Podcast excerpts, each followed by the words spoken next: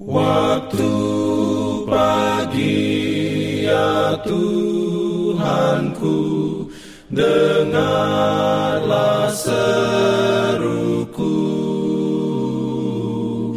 Melayang doa yang sungguh Memandang pada Selamat pagi pendengar Radio Advent Suara Pengharapan Mari mendengarkan suara Tuhan melalui tulisan pena inspirasi Agama yang bersinar. Renungan harian 12 Juni dengan judul Menyegarkan orang lain melalui Kristus.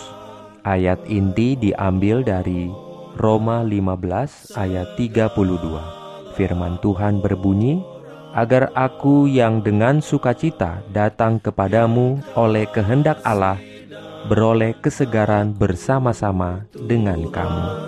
Beroleh rahmatnya Diberikannya perlindungan dalam pimpinannya Urayanya sebagai berikut Semua yang mengaku anak-anak Allah harus mengingat bahwa sebagai misionaris, mereka akan berhubungan dengan semua tingkat pemikiran. Ada yang haus dan yang kasar, yang rendah hati dan yang sombong, yang saleh dan yang ragu-ragu, yang terdidik dan yang bodoh, yang kaya dan yang miskin. Pemikiran yang beraneka ragam ini tak dapat diperlakukan sama. Namun, semua mereka membutuhkan kebaikan hati dan rasa simpati. Melalui hubungan yang saling menguntungkan, pikiran kita harus mendapat polesan dan penghalusan. Kita saling bergantung sama satu sama lain, terikat erat dengan tali persaudaraan manusia.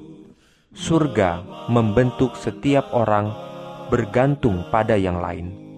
Tuhan, hamba, atau sahabat saling memohon pertolongan sampai kelemahan seseorang tumbuh menjadi kekuatan bagi semua adalah melalui hubungan sosial orang Kristen berhubungan dengan dunia ini.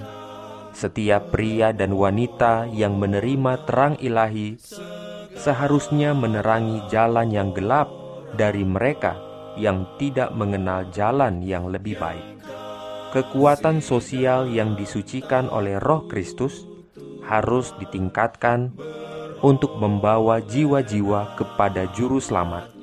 Kristus tidak boleh disembunyikan di dalam hati sebagai harta yang didambakan, yang kudus dan manis, yang hanya dinikmati oleh pemiliknya.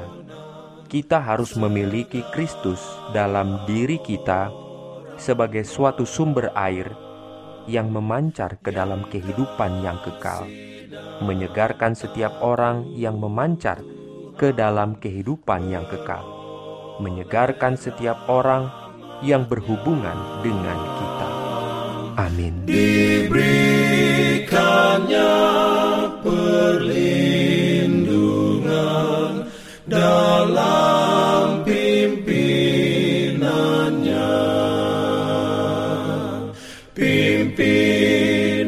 Jangan lupa untuk melanjutkan bacaan Alkitab sedunia.